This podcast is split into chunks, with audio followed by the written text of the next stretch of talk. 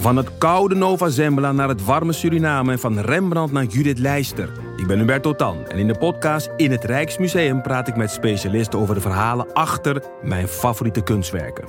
Nieuwsgierig? Beluister nu de nieuwe afleveringen. De strijd om de miljoenen van Siewert van Liende is losgebarsten. Zowel de staat als zijn stichting eisen de mondkapjeswinst terug.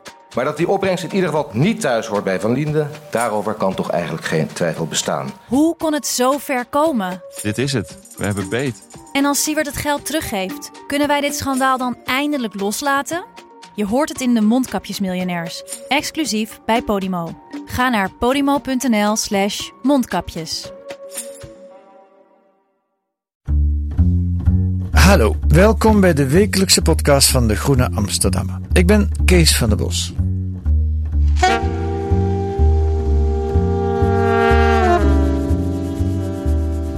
Drugshandel, een grote bedreiging voor de rechtsstaat. En het nieuwe toverwoord in de bestrijding is ondermijning. Er loopt een halfslachtig experiment van een aantal gemeenten die legaal wiet gaan kweken, maar de enorme wiet- en ecstasy-productie tiert te welig. En Nederland is een gekend doorvoerland voor cocaïne. Een misdaadindustrie waar miljarden in omgaat. Waarom lukt het zo slecht om drugshandel in te dammen? En hoe komt het dat burgemeesters in de frontlinie staan in plaats van justitie? Anouk Kootstra en Thomas Muns deden er onderzoek naar en schrijven er deze week over in De Groene. Welkom Anouk. Hi. En welkom Thomas. Dankjewel.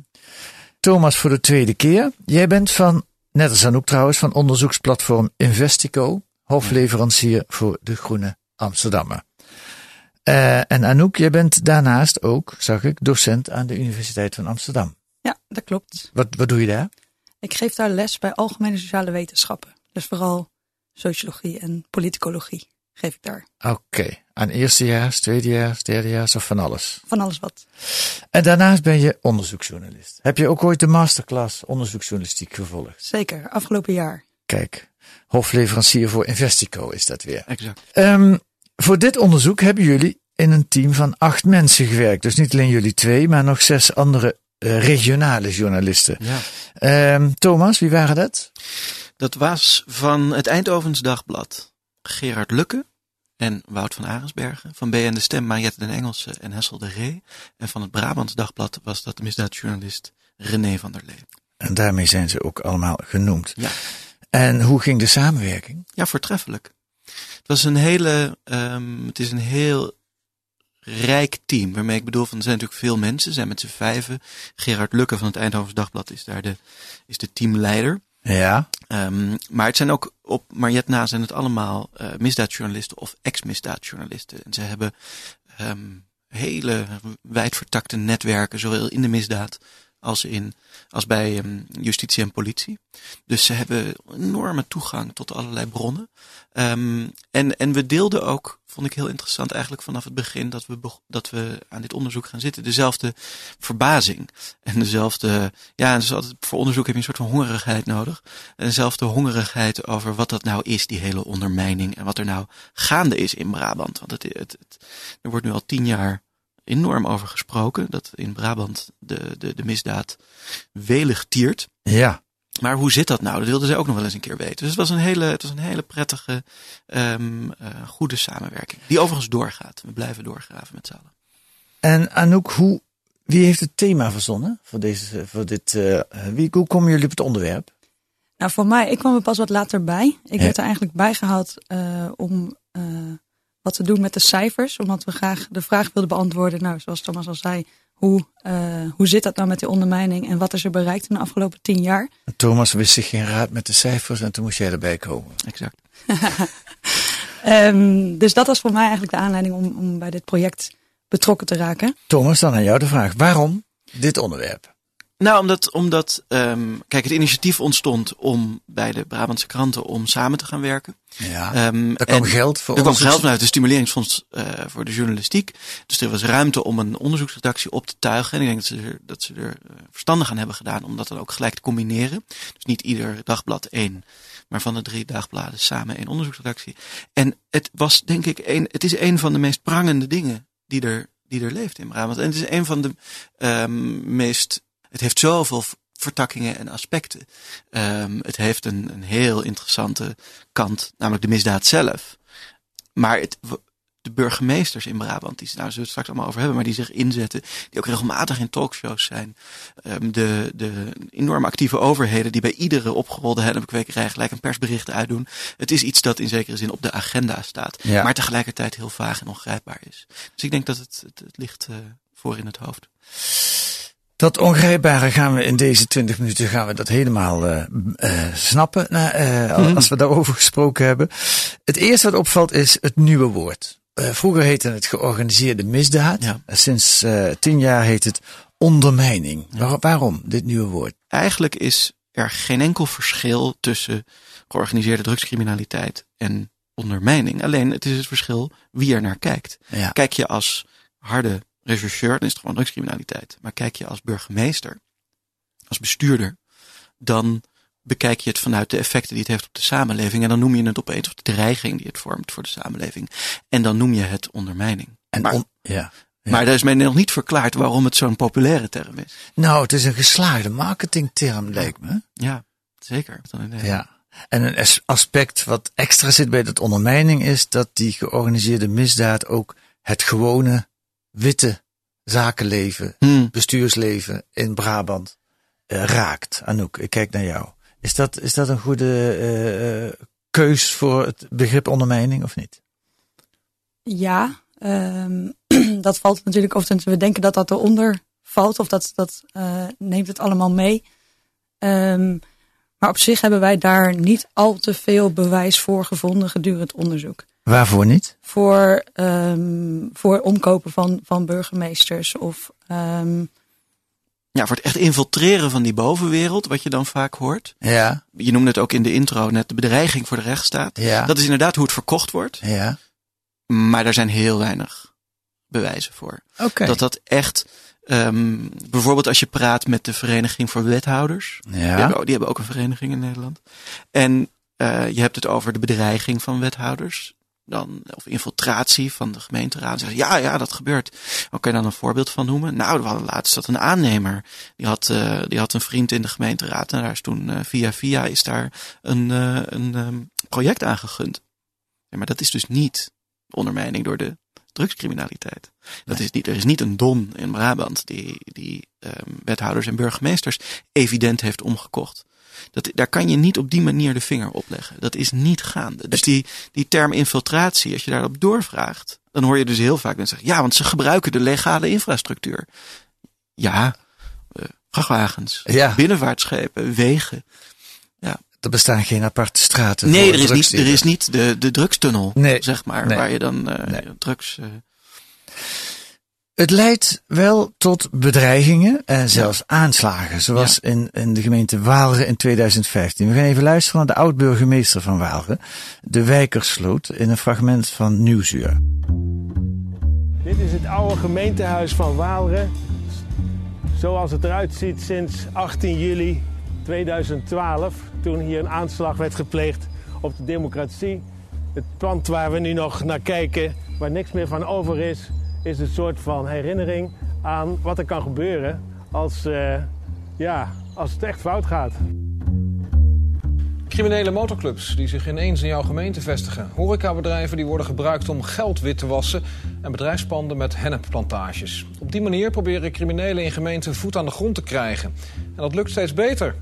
Dat constateert tenminste een groot aantal burgemeesters zelf. 18% van de burgemeesters zegt dat er in hun gemeente sprake is van ondermijning van de democratie door criminele organisaties. Dat blijkt uit een enquête die we hielden samen met het genootschap van burgemeesters. Dat lijkt een beetje in strijd, Thomas, met wat jij net zei. Hier 18% van de burgemeesters uit deze enquête van Nieuwsuur, die zeggen de democratie wordt ondermijnd. Ja, maar daar heb, daar heb je dus al een aantal termen die beter uitgewerkt moeten worden. Kijk, als je het vraagt en niemand ontkent, wij ook niet, dat het een hele grote bedreiging is. Ja. Um, het gemeentehuis in Waalde is in de fik gestoken en het is helemaal afgebrand. Er worden burgemeesters met de dood bedreigd. Dan moeten En burgemeesters bewaakt. beveiligd worden. Beveiligd In 2010 moest de burgemeester van Helmond naar het buitenland geëvacueerd worden. Ja. Ik zeg niet dat het een klein probleem is. Nee. Maar de suggestie die gewekt wordt, ook een keer door de politiebond, dat Nederland een narco-staat zou zijn. Hè?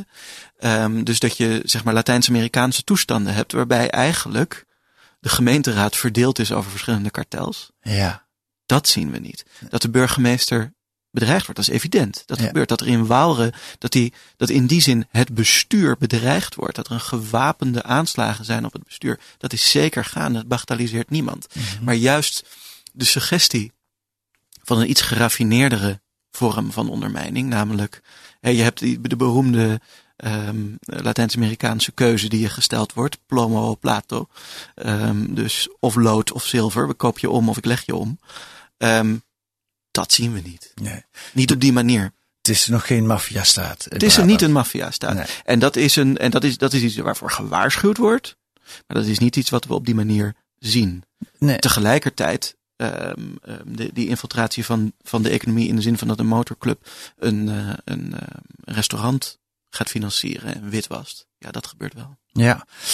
Ehm, wat ik heel interessant vond aan jullie verhaal is, eh, en dat, dat zegt ook iets over die bedreigingen van de burgemeesters, is dat justitie en politie, ehm, die komen er niet zo best vanaf. eh in jullie artikel, de mensen met wie jullie gesproken hebben, die leggen uit dat ze eh, nog maar het eh, topje van de ijsberg eh, eh, aanpakken. En volgens sommigen zien ze de ijsberg nog niet eens. Dat vond ik wel een mooie vergelijking. Maar wat er wel gebeurt, is dat er via het bestuursrecht, en dat ik moet even uitleggen, dat is iets anders dan strafrecht. Anouk, misschien kan jij dat uitleggen. Via het bestuursrecht wordt dat eh, het leven van de, de drugsdealers, voor zover als ze bekend zijn, eh, zuur gemaakt. Wat is dat? Wat houdt dat in? Wat je daar eigenlijk ziet is dat eh, burgemeesters zelf voorop lopen in de strijd tegen de drugscriminelen. En ze hebben daar een aantal maatregelen tot hun beschikking. Zoals bijvoorbeeld het sluiten van panden waar dan drugs wordt aangetroffen. Dus door middel van de Damocles-wetgeving kunnen ze bijvoorbeeld een woning of een horecagelegenheid kunnen ze dan sluiten. Dat staat in die wet en dat heet de Damocles-wetgeving. Damocles, Ja. juist. En dat is een bestuursrechtelijke maatregel. Precies, Het dus geen verschil, strafrecht. ja, het verschil is, daar heb je niet een heel proces voor nodig met getuigen en advocaten. Dan moet je bewijzen. De burgemeester heeft, eh, heeft gezien of heeft dat daar drugs verhandeld worden. Hup, tent kan dicht. Precies, dus het gaat hartstikke snel. Veel Ja. sneller dan het strafrecht kan. Dus het, het, het werkt fris en snel. Of het, het, het lijkt fris en snel en het werkt, eh, werkt effectief. Ja, en dan Lijkt heb je het? nog de wet Bibop. Wat is dat? Bibop is een integriteitstoets. Dus op het moment dat iemand een vergunning wil aanvragen voor bijvoorbeeld een nieuwe gokhal of een eetcafé of een ander soort eh dan horeca ook, ja. wat dan ook eigenlijk. Op het Ja. moment dat je een vergunning aanvraagt, dan kan er een onderzoek worden gedaan naar, eh, naar jou. Dus of jij een, eh, een betrouwbaar persoon bent en of die vergunning aan jou moet worden verleend. Ja. Dat is dus de Bibop-toets. En ook daarvoor geldt hetzelfde, want ik heb daar wel eens kritiek op gehoord.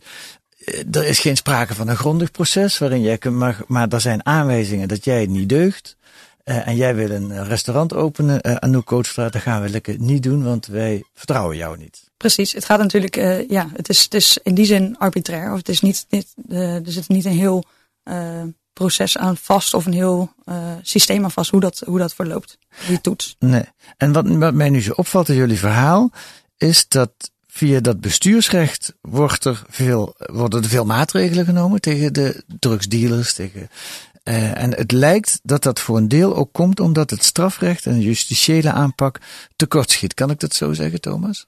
Ja, ja, die, die, die, dat, dat, ja dat zeggen ze zelf ook wel. Uh, ik denk dat dat een goede kenschets is. Het probleem is natuurlijk bij het strafrecht is een, is een keten, is een pijplijn.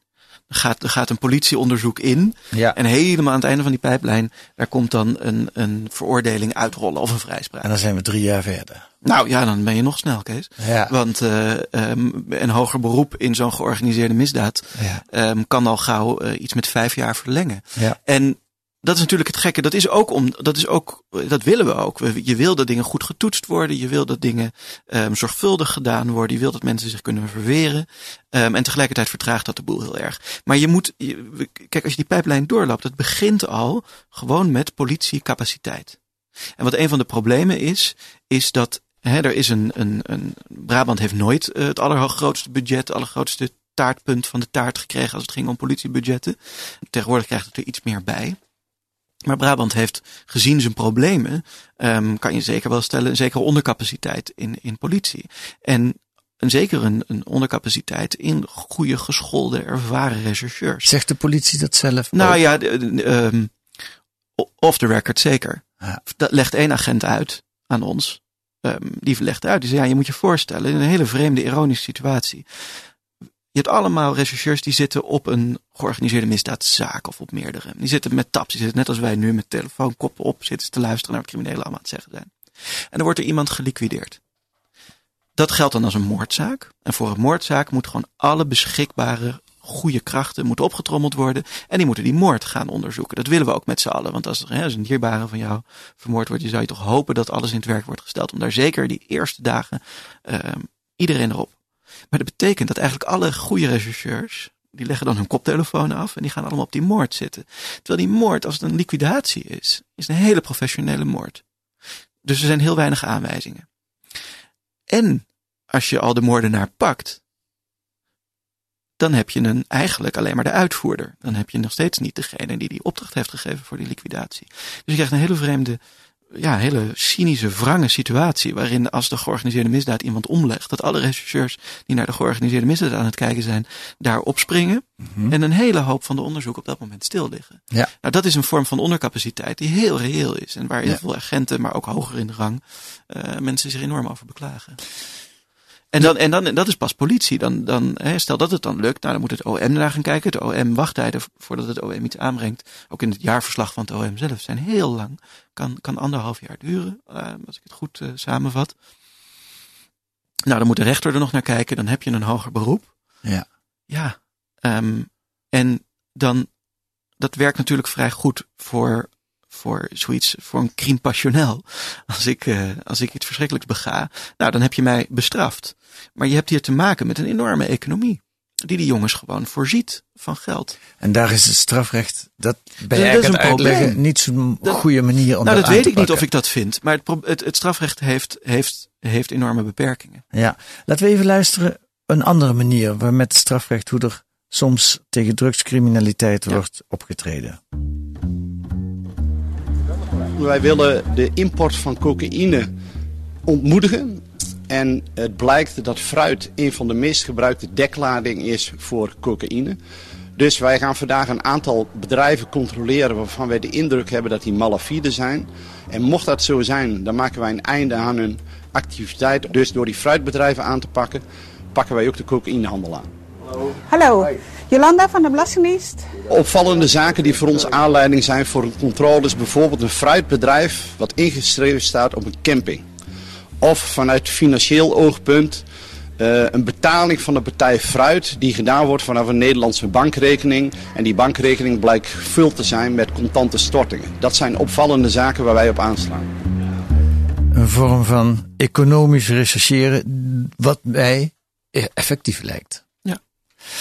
Maar in, we hebben dus geconstateerd dat dat gebeurt om allerlei redenen te weinig of te, lang, te, te, langzaam en werkt niet goed. En dan gaan we naar de, naar de bestuursaanpak. Uh, uh, Anouk, jij hebt daar vooral naar gekeken, naar die uh, gebruik van de wet Bibop en van Damocles. wat valt je op als je naar die cijfers kijkt? Nou, wat we hebben gedaan is, we, we konden heel moeilijk betrouwbare cijfers vinden. Dus wat we hebben gedaan is eigenlijk aan alle afzonderlijke Brabantse gemeentes hebben we zelf die cijfers opgevraagd van de afgelopen jaren. Hoe vaak hebben jullie Bibop gebruikt? Ja, precies. En hoe vaak hebben jullie panden gesloten door middel van de wet Damocles? Oké, okay, en dan? Die cijfers hebben we bekeken. Ik heb ze afgezet ten opzichte van het inwoneraantal van de gemeente zelf. Dus je kijkt naar het relatieve aantal. En wat daar eigenlijk het belangrijkste wat daaruit blijkt, is dat vooral Damocles ook willekeur ademt. Dus relatief gezien, bijvoorbeeld uh, sluit de burgemeester van Rukven tien keer zoveel panden als de burgemeester van Den Bosch. Ja. Dus Wat? er zit al een willekeur in het instrument zelf, namelijk, hè, dat hebben we net besproken, maar er zit ook in het gebruik van het instrument veel precies, willekeur. Precies, ja. ja. ja. En ik denk dat een ander probleem wat, je, wat we ook tegenkomen, is dus precies die bedreiging waar we het al eerder over hadden. Dus op een moment dat, dat je burgemeesters naar voren schuift om voorop te lopen in die strijd, die mensen uh, wonen ook in die gemeente, die hebben ook een, een huis in die gemeente. Dus nou ja, ik denk dat het ook persoonlijk een probleem kan zijn voor ja. die burgemeesters. Nou, en dat blijkt ook wel uit de gebeurtenissen. Tot slot nog een fragment van het journaal van zes weken geleden, waar ik in elk geval een beetje om moest lachen. Ik weet niet wat jullie daarvan vinden. Ik dacht even, ik herken die geur, maar ik had niet gelijk in de gaten dat het anijs was. Nou, het is de geur van ecstasy-afval. Het is drugsafval. Wat we eigenlijk willen is dat het, het publiek, het, het bredere publiek, bekend wordt met de specifieke geur van ecstasy. Die anijsblokjes van vroeger. Die dan in de melk kon doen en zo. Dus daar, daar ruikt het inderdaad naar. Het gaat om zware georganiseerde criminaliteit. En die zien we ook richting woonwijken, bedrijventreinen. En op het moment dat mensen onderkennen wat de signalen zijn... en vandaag wordt die specifieke geur uitgelicht... ja, dan hebben wij qua vervolging hebben wij daar wat aan. Hè? Dus je probeert die strafbare feiten op, op te sporen... en dan is het herkennen van die geur cruciaal. Wordt het heel veel in het nieuws natuurlijk dat er allemaal drugsafval wordt uh, gevonden. Dus het is echt wel goed om even ja, bekend te maken hoe het nou precies ruikt. Justitie met een soort parfum uh, tussen het publiek om de mensen te laten ruiken hoe ecstasy werkt. Ik zie jullie ook lachen. Ja. ja. Soms, je, je herkent het ook wel in je eigen leven. Dan zit je in een situatie waarin je eigenlijk niet de oplossing kan aandragen. Maar dan ga je toch maar iets doen om het te doen. Hè? Dat, ja. dat, dat, en dat is wat je hier ook ziet gebeuren. Je, het, het, het, het lukt niet om, um, want daar hebben we het helemaal nog niet over gehad, maar dat is eigenlijk een van de grootste problemen die er, die er spelen. Het lukt niet om de geldstromen in te dammen. Ja. Dat, dat, dat is zo'n fundamenteel punt. Het lukt niet om te zorgen dat de mensen die het geld verdienen, uh, met drugshandel. Dat ze dat ook vrij, niet, ze dat niet makkelijk kunnen wegzetten in Dubai. Mensen noemen ook vaak Marokko. Maar je weet niet nog naar wat voor allerlei andere fraude en belastingparadijzen dat ja. gaat. Dat, dat wordt niet goed tegengehouden. Nee. Dat lukt allemaal niet. Als je bestuurders dit laat doen, dan gaan ze ook bestuurlijke dingen doen. En dan gaan ze, uh, hoe heet dat, um, bewustwordingscampagnes doen. Dan krijg je een soort van postbus 51 aanpak voor um, voor ondermijning. En dan krijg je dus ook dat het publiek bekend moet worden met de geur van ecstasy-productie. Ja, ja. ja, in de hoop dat het wat oplost. Ik, ik, ik weet het niet. Er zit een soort van, van um, nou, we moeten toch iets doen. Ja. Met elkaar. Dus de moed van de wanhoop. Um, en dan kan je daar ook weer een mooi jaarverslag van maken dat je dit hebt gedaan. En dan kan je ook zeggen, we hebben zoveel mensen bereikt. En we zijn druk bezig om een bewustwording uh, te doen bij het publiek. Maar het is natuurlijk, het is het, het, is het bijsnoeien uh, van een probleem dat uiteindelijk gewoon door blijft groeien. Zo kijk jij er ook naar, Anouk? Ja, het is, het is zelfs niet eens uh, alleen die parfum, want je hebt ook een VR-bril om ondermijning te beleven. En je hebt een ondermijnings-app en ja, een ondermijningstijdschrift. Uh, ja. ja. Lang leven de ondermijning. Anouk Kootstra en Thomas Muns, hartelijk bedankt voor jullie toelichting. Het uitgebreide artikel is te lezen in De Groene van deze week. Verder in deze Groene een essay van Marijn Oudenamsen over de revolutie van de nederkons. Nederland heeft door Thierry Baudet voor het eerst weer een conservatieve partij, een echte conservatieve partij. En een grote reportage over de opkomst van het rechtspopulisme in Italië waar Matteo Salvini inmiddels de echte leider is. Volgende week zijn wij er weer met analyses en achtergronden uit het nieuws bij, in deze podcast van De Groene Amsterdammer. Wilt u het hele artikel van Anouk en Thomas lezen? Ga dan naar groene.nl of neem een proefabonnement als u nog geen abonnement hebt. Voor 15 euro krijgt u 10 weken De Groene. Verder zien we graag uw review in de podcast-app. Hoe meer sterren we krijgen, hoe fijner dat voor ons is. Maar hoe vaker we ook op allerlei lijstjes verschijnen. En dat is ook belangrijk. Deze week werd de Groene Podcast gemaakt door Fatih Kilic en Kees van der Bos. En de muziek is A Tune for N van Paul van Kemenade.